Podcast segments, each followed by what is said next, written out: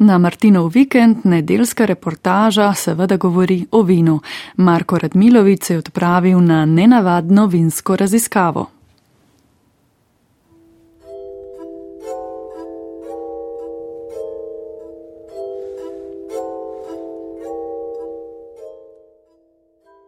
O vsem drugem, razen o vinu, bi bilo govoriti na Martinovo nedeljo skoraj kaznivo. Vsaj nekaj dni v letu imamo možnost pokloniti se starim bogovom, razbrzdanemu Baku in njegovi tovarišiji, ki nam za trenutek ali dva izbijajo iz glave krize, vojne in vseh vrst podlosti. Vino je ob tem dobrodošel tovariš, a je veliko več kot le spremljava. Vino je tako globoko in tako resnično del naše civilizacije kot redko kateri pojav, sploh pa živilo, ki ga poznamo na tem žalostnem planetu. Ob vinu pa bomo govorili še o arhivih. Ker vemo, da če hočemo arhivi nagovarjati publiko, ne, jo ne moramo zgolj skozi neke take teme, ki v bistvu ne privlačijo že v današnjem času, ko niso aktivne, aktualne v današnjem času. Ne. In se mi zdi, da vino je zdaj, odvedno je pravzaprav tu neka tradicija tega prostora, ampak je posebej še v tem nekem trendu širjanja, uh, popularizacije ne, in povezano s to vinsko kulturo, uh, ki se pravzaprav zdaj na nek način definira malce drugače. Ne, uh, Smo poskušali pač iskati neko temo, ne? in v naboru nekih tem, ne, smo prišli do tega, do tega, da se posvetimo vinu.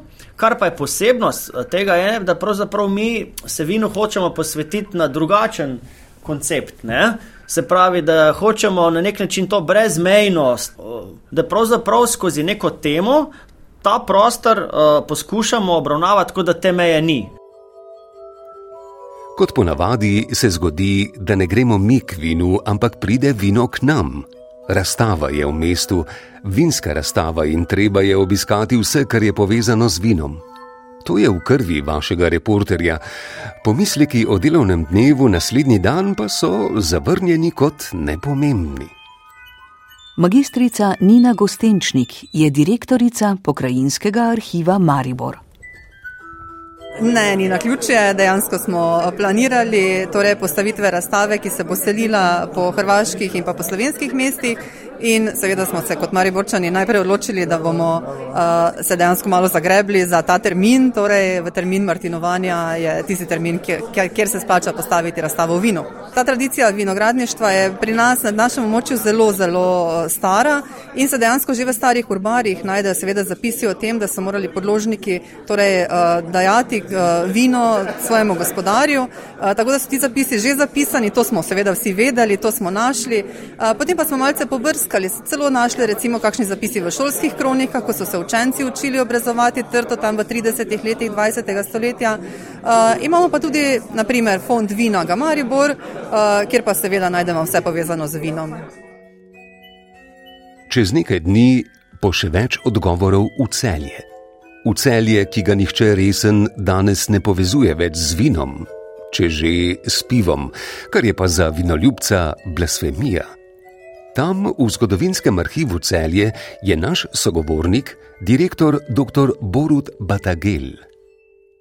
Pravzaprav smo se tukaj dobili šest arhivov, ne, trije iz te slovenske strani, ki imamo sedeže na Ptuju, Mariboru in v celju, in z druge strani arhivi pravzaprav iz Zagreba, državni arhiv Zagreb, državni arhiv Vareždino in zanimivo, edini arhiv na svetu, ki je na vasi, ne, državni arhiv za Međimurje, ki v bistvu ima sedež v Štrigovi, tudi enem takem vinskem, uh, vinskem uh, zelo vinskem okolju, in pravzaprav tudi ta arhiv, ki nam je zelo v nekem prijateljskem. Uh, Uh, vsebinskem, no, se dosti mi, mi tudi družimo med sabo, ne, je tudi gotovo pripomogel k temu, ne, da smo se odločili za to vinsko tematiko. Sej pravzaprav neka upravna meja je obstajala, ne? tudi meja med Ogrsko in, in Hrvaško, ali pa prej tudi, ne? ko imaš te zadeve. Tako so bile, ne? ampak uh, ta prostor no, uh, deluje na nek način kot eden. Potem, ko ga pogledaš iz teh različnih perspektiv, lahko tudi gledamo kulinarika ali česarkoli, recimo nekih obrti, ne? pravzaprav deluje kot en, en prehodni prostor, kot pravzaprav enovit, ne? samo za katerega prav če pravzaprav je ta meja, ki na nek način zaseka, da zdaj z današnjega vidika ljudje gledajo to kot na dve različni stvari. Ne? V tem se mi zdi ključen, ključen pristop, tudi v, v kontekstu teh recimo konfliktov, oziroma tega, kar pravzaprav se je na hrvaški in slovenski strani začelo oblikovati šele v zadnjih par desetletjih, ne? pravzaprav do samostavitve dalje na nek način se to se to na nek način izpostavlja, ne? bolj kot, ne, kot nek problem, ne? čeprav na terenu samem ni tako zaznan. Imamo torej dva temeljna pojma: vino in mejo. Prostor ob južni meji, ki ga je vino določalo prav tako uspešno, kot je uspešno presegalo vse sorte mej, ki jih je zgodovina sejala po teh gričkih. In ker je Martinovo, vzemimo v roke katalog razstave natančen, kot so natančni samo arhivski dokumenti, in ga skupaj prelistajmo v današnji nedeljski reportaži. Lepo po vrsti, kot je vinsko življenje mojstersko popisal in zapel Tomaš Pengov, ter s tem posodil svoje stihe vinski razstavi. Žal še dolgo po svojem preranem odhodu v tej razstavi vino na meji, vino na granici, vzemljamo kot neko rdečo nit, kot inspiracijo. No, jaz kot urednik sem si to zamislil, da vzamemo tole pesem od uh, Tomaža Pengova, rodovnik vina, ki pravzaprav nam je neka rdeča nit, skozi katero potem brez enega obremenjevanja, katero gradivo je, z katere strani meje, pravzaprav zložimo to zgodbo v pripoved, ki uh, nagovarja no, na ta način, da, da, je to, da je to en prostor, kjer je bilo vedno vzpostavljeno neko povezovanje povezovanje, nek dialog, pravzaprav neko prijateljstvo, in na drug način se ta prostor kaže, ko ga gremo gledati skozi neke take tematike, kot je, kot je vino. Uh, Ne na tak način razmejen, kot ga pravzaprav danes uh, tudi promovirajo, ne, na nek način hrvaški, slovensko vino, ampak gre pravzaprav za enak, enak tip pristopa k tej kulturi uh, vina. Iz zemlje gre v trta, lavindi undi trta trti, trtula Indija, a je trta živija. Ne čudi, temveč navdušuje, kako globoko upisano zgodovino sega vino. In to dejstvo nas ne uvršča le med vinsko tradicionalne dežele, temveč nam daje tudi civilizacijsko veljavo, saj sta kultiviranje trte ter šolanje vina odliki omikanih prostorov. 21. junija 1436 je najslavnejši celskih grofov takole zapisal: Grof Friderik II. oprosti vinograd na celskem Miklauškem hribu, ki so ga od njegovega gorskega mojstra Johannesa kupili gvardijan in samostan celskih minoritev in ki je bil podložen celskim plačila gornine in vinske desetine. Konec navedka. Ta in podobni dokumenti se nizajo kot ogrlica starih pergamentov in na obsežnem področju šestih arhivov pripovedujejo predvsem lastniške in pravne zgodbe o vzgajanju trte. Recimo, cesar Friderik III. oprosti minorite plačevanja dajatov za vinograde na Kumu. Varaždinski meščani kot dajatev prejemajo vino, ki se meri v vedrih. Gospodstvo Negova v letu 1603 beleži natančen popis vseh opravil, ki so potrebna v vinogradu.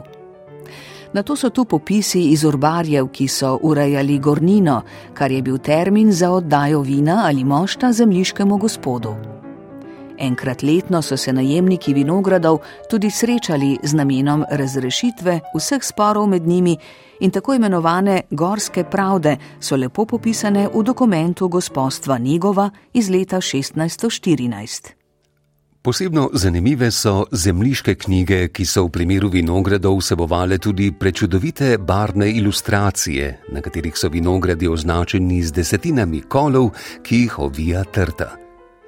Prav slikovni material je eden najbolj atraktivnih delov razstave in kataloga Vino ob meji, saj lahko ljubitelj vinske zgodovine zagleda prizore, ki so danes skoraj nepojmljivi.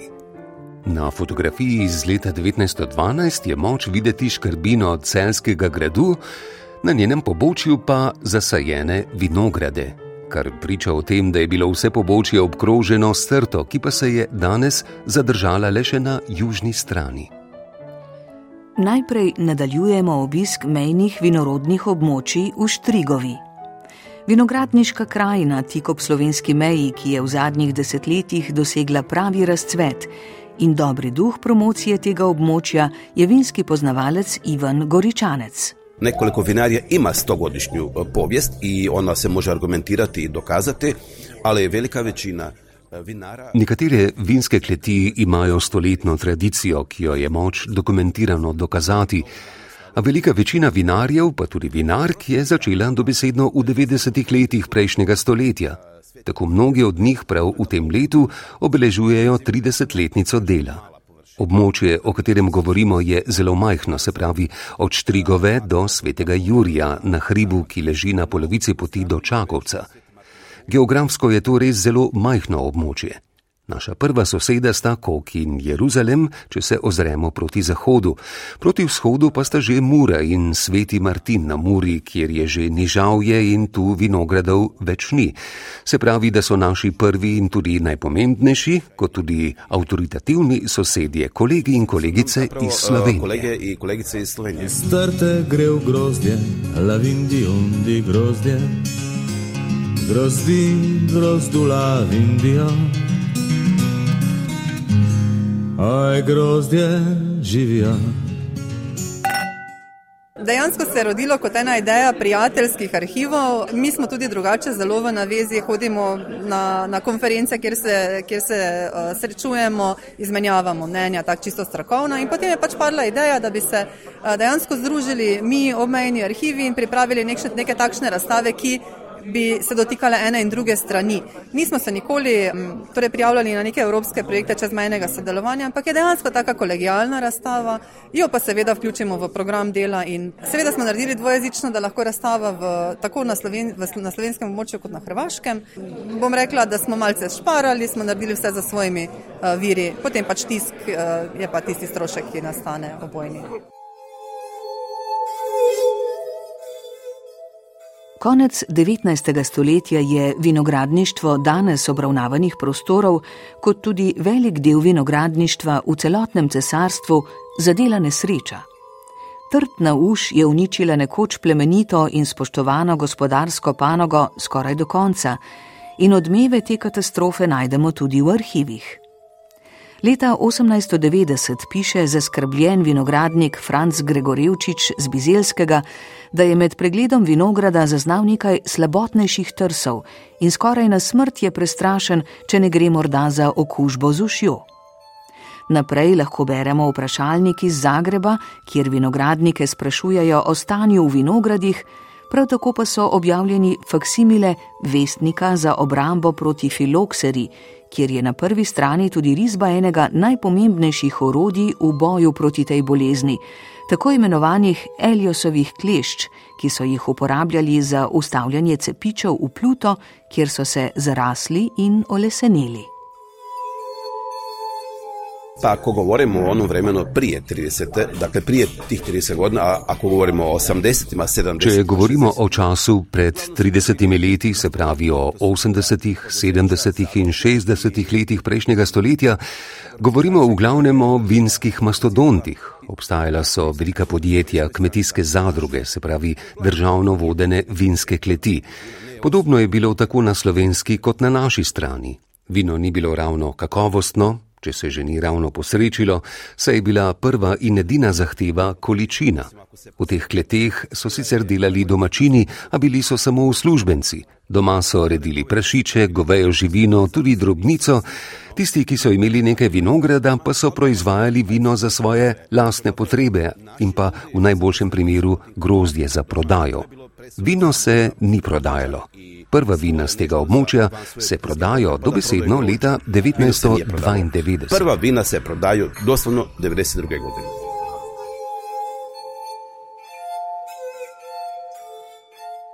Ampak, ko gre na robe, gre na robe do konca. In to so vinogradniki spoznali ob koncu bitke s trtno ušjo, ko je vinograde začela napadati še peronospora.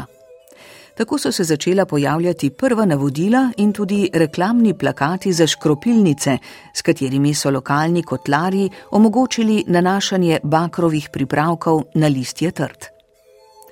Spoznamo pa tudi sveti čas v vinogradu, ki je trgatev. Težaki in gospodarji pozirajo ob kolju z lesenimi brentami in predanostjo o pravilu, ki bo določalo preživetje njih in njihovih družin v prihajajočem letu. Pa še nekaj lahko spoznamo iz arhivskih virov. Nekatera vinogradniška opravila je, na srečo, zagrnil plašč časa. Med njimi težaško kop vinograda, ki so jo opravljali trikrat na leto, ter še težjo globoko kop, s katero so zemljo pripravljali na nov vinograd ali pa obstoječi vinograd pripravljali za obnovo. Ta vseobsegajoča pomembnost, pravzaprav vseobsegajoča prisotnost yeah. vina ne, je, je, je, je ogromna. Ne. Po eni strani, če gledamo tako kot v prvenstveno, ko se je včasih gledalo kot na živilo na nek način, ne, do druge strani, recimo, tudi ko smo v bistvu v tem zadnjem uh, spektru razstave, spet odpremo nek nov segment uh, v pogled na vino skozi to protialkoholno gibanje, ne, ko vidimo spet eno drugo, eno drugo perspektivo vina, ki nam včasih daje uh, ne, uh, ta pogled oziroma vpliv zgolj ne kot na neko živilo, ampak kot na nek tudi z druge strani socialni problem, problem uh, pravzaprav družbe. Ne? Tako da uh, je, je res je tega, tega ogromno in, in ko gledaš, ko vzameš uh, po drugi strani cel uh, cel časovni lok razstave, ki smo jo obravnavali. Ne? Se pravi, najstarejši dokument, ki ga obravnavamo v katalogu in knjigi, je iz leta 1436, ko Friderik II. Celski, ta znameniti Friderik, uh, uh, ne, tukaj v celju, ki se vrsta mitologij veže in zgodb veže na nje, podari oziroma oprosti minorite dajatve vinograda na Miklaškem hribu, to je tukaj direkt nad, nad celjem, kjer pravzaprav danes sploh ni vinski, na nek način vinski okolišno, ampak od tega sredine 15. stoletja, pravzaprav do predvčerajšnjim, ko se tukaj cel kup enih družbenih sistemov, pogledov, sprememb, ne, pravzaprav vidi, ampak vino je pa vse skozi neka stalnica. Ne. Vino je vse skozi tukaj prisotno, bodi si kot. Uh, Spremljevalec, to se mi zdi mogoče bistveno. Ne? Vino vedno je tam, ko se recimo nekaj zgodi, ko se zgodi nekaj vsakdanjega ali pa nekaj prelomnega, ne? ali pa ko se dogodijo neki posebni dogodki ali pa vsakdanji dogodki. Ne? Tako da, če bi vino pripovedovalo neko svojo zgodovino, ne? bi spet bilo to zelo zanimivo na nek način v besedi ali pa poskušati razumeti, ne, ne skozi oči zgolj uh, ljudi. Iz grozdja gre v brente, lavindi undi brente, brenti brentula vindijo. Aj, brinte, živijo. Mestna klet v Zagrebu je v 19. stoletju objavila besedilo, s katerim so pri njih ob Martinu krstili vino. Bilo bi greh v Martinovem času te pesmice ne povzeti.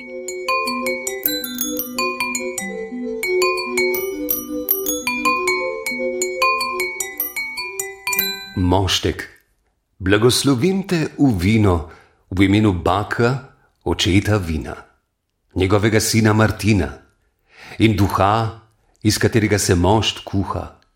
Tu imaš moštek malo soli, da nikogar nikoli zaradi tebe glava ne zaboli. Mir bodi zavedno s tabo, da boš vedno poln žlahtnega okusa in vonja.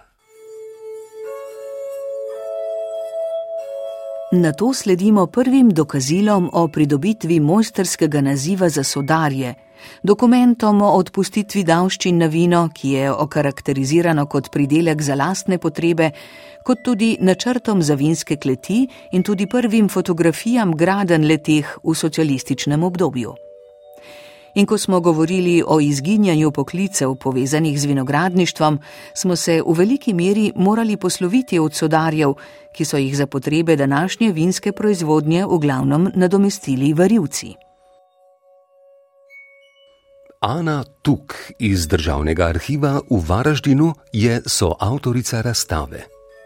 To nije samo jedan fond, naime radi se o različitim fondama i različitim... Ne gre le za en sam fond gre za različne arhivske fonde različnih izvorov.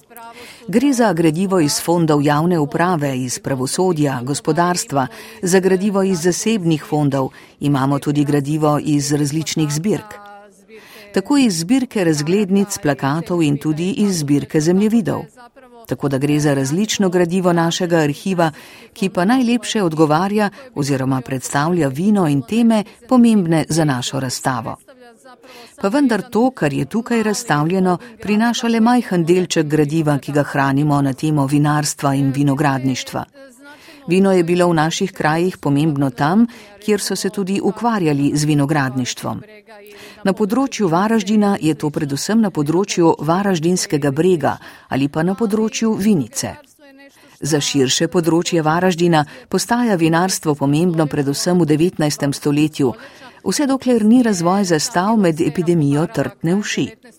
Takrat smo ostali samo z desetimi odstotki vinogradov, po tem težkem obdobju pa se je začel nov razvoj s precej bolj resnim pristopom k panogi, ki pa je že bil tudi bolj tržno usmerjen. Možda više tržišnog pristupa. Iz Brent gre pa v preše, lavindi undi preše, preši prešula Indija. Aj preše živijo.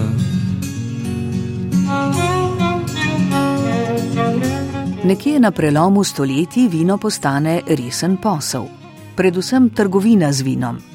Vinski trgovci rastejo kot gobe po dežju, z njimi prihajajo vse sorte vinskih dokumentov. Vinske karte, ceniki, posetnice, oglasi. Ogromno materijala je v nemškem jeziku, kar priča o socialni strukturi, predvsem pa o gospodarski nemoči slovenskega in hrvaškega življa ob meji a nekaj izjem obstaja in ena lepših zgodb se skriva za fotografijo dveh mož, ki v rokah držita dve arhivski steklenici, pa vsem prekriti s prahom. Gre za steklenici vina Zlata trta. Leta 1917 se je ptujski podjetnik, veletrgovec z vinom in tudi župan Jozef Ornik poklonil izjemnemu vinskemu letniku s tem, da je dal večjo količino stekleničenega vina Zlata trta arhivirati. Ker je bilo znano, da so med drugo svetovno vojno okupatorji najraje plenili po vinskih kleteh, je dal Ornigov sin in naslednik Pavel arhivsko klet skrivaj zazidati. Tako je ohranil zlato trto nedotaknjeno in to vino letnika 1917, ki ga danes hranijo v tujski kleti, je hkrati tudi najstarejše vino na slovenskem. Posebno poglavje, s katerim si vinoljubci dajemo opraviti še danes, pa so vinske etikete. Celotno področje, nekateri trdijo, da celo pomembnejše od proizvodnje vina kot takega, je danes že zdavnaj preraslo v umetnost. Na razstavi in v katalogu pa je moč videti prve skromne poizkuse. Od naivnih prizorov kmetskega življenja do socialistično brutalnih etiket, vse do prvih pristopov bolj avtorskega pogleda na ta izjemno pomemben del vinske ponudbe. Ko razmišljam naprej, kaj s to razstavo, ne? prej smo se osredili na to, da bo najprej potovala po tem našem področju pristojnosti naših arhivov. Vidim velik potencial, pravzaprav tudi v širjenju gostovanja te razstave na področja, druga področja mejna, ne? tako od Istre, recimo Goriška brda, Svečina, ne? na vsak način z druge strani, ko korespondira eh, s to eh, štarsko vinsko cesto. Ne? Tako da to so recimo neki taki prostori ker bo ta razstava gotovo lahko našla odmev v smislu nekega razmišljanja, ne? Eh, nekega čezmejnega povezovanja. Ne? Jaz kakšne take podobne razstave in kataloga tudi ne poznam. Vse mogoče se nisem toliko eh, s tem še podrobljeno oziroma poglobljeno ukvarjal, ampak uh, primerljivih nekih takih zadev ni. In zaradi tega tudi računam, no, da bodo tudi ti strokovnjaki z tega področja to razstavo prepoznali kot sem rekel, kljub temu skromno nismo zdaj pisali zgodovine uh, vina iz tega obmejnega področja, ampak pravzaprav skozi te ne, neke impresije preteklosti, ne, ki jih daje ta razstava. Ne, uh, pričakujemo zelo dober odziv, tako na področju te neke strokovne, lahko someljejske, vinarske, katerekoli te neke publike, tudi iz fakultet, ki so pravzaprav vedno bolj izpostavljene, ne, do uh, dobrega odziva konzumentov, pravzaprav, pravzaprav vina, ki smo tukaj vsi in vedno bolj znamo tudi uh, to stvar ceniti. Iz litrov gre v glaške, lavindi undi glaške, glaži, glažu lavindija. Aj glaški živijo. Kako se vino pogovarja s človeškim organizmom, so menda začutili že v pradavnini, a eden najstarejših dokumentov na to temo datira v leto 1658. Takrat se je lastnik hrastovskega gospodstva hotel rešiti nekaj sodov vina sumljive kakovosti. Upitje ga je ponudil lenarškim držanom, ki pa se niso dali zlahka. Oblikovali so komisijo štirih pivcev, ki je ocenila kakovost sodov. Iz štirih sodov so dovolili točenje po ceni krajcar in pol, vino v ostalih šestnajstih sodih pa je bilo tako za nič, da ga posestnik ni smel točiti niti za ston. Dogodilo nam se, da kad je došlo to pomodarstvo 90. Zgodilo se nam je, da smo o prihodu modnih 90-ih, ko je zahodna kultura prodrla v socialistični prostor in nam je postalo pomembno postati nekdo, se pokazati tako z obleko kot s tehnologijo, uničevali in zavrgli vse, kar je bilo staro. Danes hlepimo za tem, ker nam manjka. Samo nekaj družin je uspelo ohraniti, mogoče tudi povsem naključno, nekaj starožitne vinske opreme ali dokumentov. Danes so to relikvije. Žal nimamo nobene uradne ustanove, ki bi skrbela za to dediščino, a nekaj družin vseeno skrbi za del naše vinogradniške tradicije in jo kot tako spreminja v turistični potencial. Danes so to spominki, pred katerimi se recimo fotografirajo turisti ali pa te vsebine prihajajo v publikacije, ki jih na tem področju izdajamo. Katalogi, spletne strani, strani na Facebooku in podobno. E, Facebook stranice izlično. Iz grla gre v glavca, lavindi, undi glavca, glavci, glavcu, lavindija. Aj, glavca, živijo. Atraktiven del vsake vinske razstave.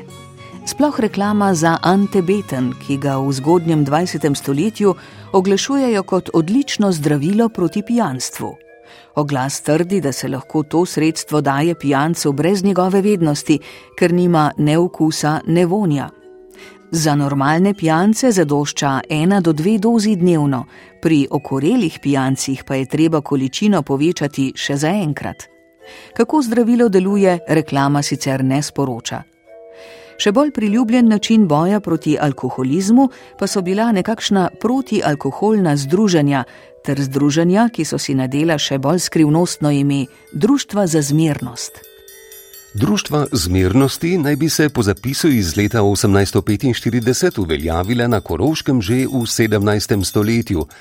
V njih so se združevali možje, ki so se zavestno odrekli nekaterim posvetnim užitkom, predvsem pitju alkohola, pa tudi psovanju in podobnemu neprimernemu obnašanju. Društva niso bila številna, ker se gospodje niso bili ravno pripravljeni odreči, predvsem pitju vina. Državni arhiv v Varaždinu hrani tožbo zoper starešino društva, delujočega v Krapini. In sicer se je starešina Pavel Krizmanič grobo prekršil zoper vse družbene postave, saj je 18. decembra 1849 absolutno pregloboko pogledal v kozarec. V tožbi stoji, da je bil obtoženec tako opit, da se je med drugimi cenjenimi in treznimi gosti opotekal. Še več, komaj se je držal po konci. Dva sta ga podpirala, tretji pa mu je noge naravnaval. Ker je to metalo slabo luč na delovanje društva za zmernost in ker je bil starešina izvoljen prav pred kratkim, so se ga organi društva odločili kaznovati. Ni pa znano, kakšna kazen ga je doletela. To je bila ena večja, ja mislim, na nivoju hrvatske antialkoholičarska kampanja. Šlo je za protialkoholno gibanje na ravni celotne Hrvaške. Se pravi, ko smo se pozabavali z abstinenco, smo seveda naleteli na protialkoholna združenja ali pa na delo društev, ki so propagirala zmernost. Žal o delovanju teh društev nimamo mnogo materijala, na razstavi pa je moč videti razglas takšnega društva iz Krapine. Seveda nam ni cilj, da propagiramo abstinenco, namesto nje se zauzemamo za zmerno in odgovorno pitje vina. In prav ime naše razstave, Vino na meji, meja ni mišljena zgolj kot meddržavna meja v prostoru, temveč tudi kot meja med umirjenim in čezmernim uživanjem vina. Konzumiranja in prekomernog. Martinovo se bo tako ali drugače končalo. Planet se bo vrnil v stare tirnice. Saj bomo v naslednjih mesecih še kdaj veseljačili, a nikoli z unaprej podeljenim odpustkom, ki ga seboj nosi drugi teden v novembru. In kakorkoli se to sliši hecno, naša dejanja, pisanja, misli in zapisi iz časa druženja z vinom se bodo shranili v arhivu. Mediji, kot je naš, ki je danes vinske zgodbe povzel, v prihodnosti najbrž ne bodo več obstajali, vino pa bo zagotovo s človeštvom tudi še v naslednjih stoletjih. Stala bo tukaj v vodnem stolpu zdaj 14 dni, torej preko Martinovega. Zelo veselim sem, da jo oglašujejo tudi kot spremljevalni program, prav Martinovanja v Mariboru, tako da predvidevam, da bodo ljudje si prišli kar pogledati. No, tukaj vodni stolp je odprt od 10. do 7. ure, vsak je dobrodošel, vedno si lahko razstavo pogledajo. Jo pa oglašujemo torej tudi ne čisto ciljno, torej kolikor pač mediji, mediji napišejo, mi sami preko svojih kanalov. Je pa največja reklama ravno to, da smo del torej Martinovanja v Mariboru. Mariboru. Spoštovani poslušalci, to je bila oddaja Nedeljska reportaža. Posnela jo je Klara Otorepec, brala sva Igor Velše in Eva Longika Marušič. Pripravil pa jo je Marko Radmilovič. Z glavce gre v zemljo, lavindi v zemljo, zemlji, zemlji, lavindi а земля живі.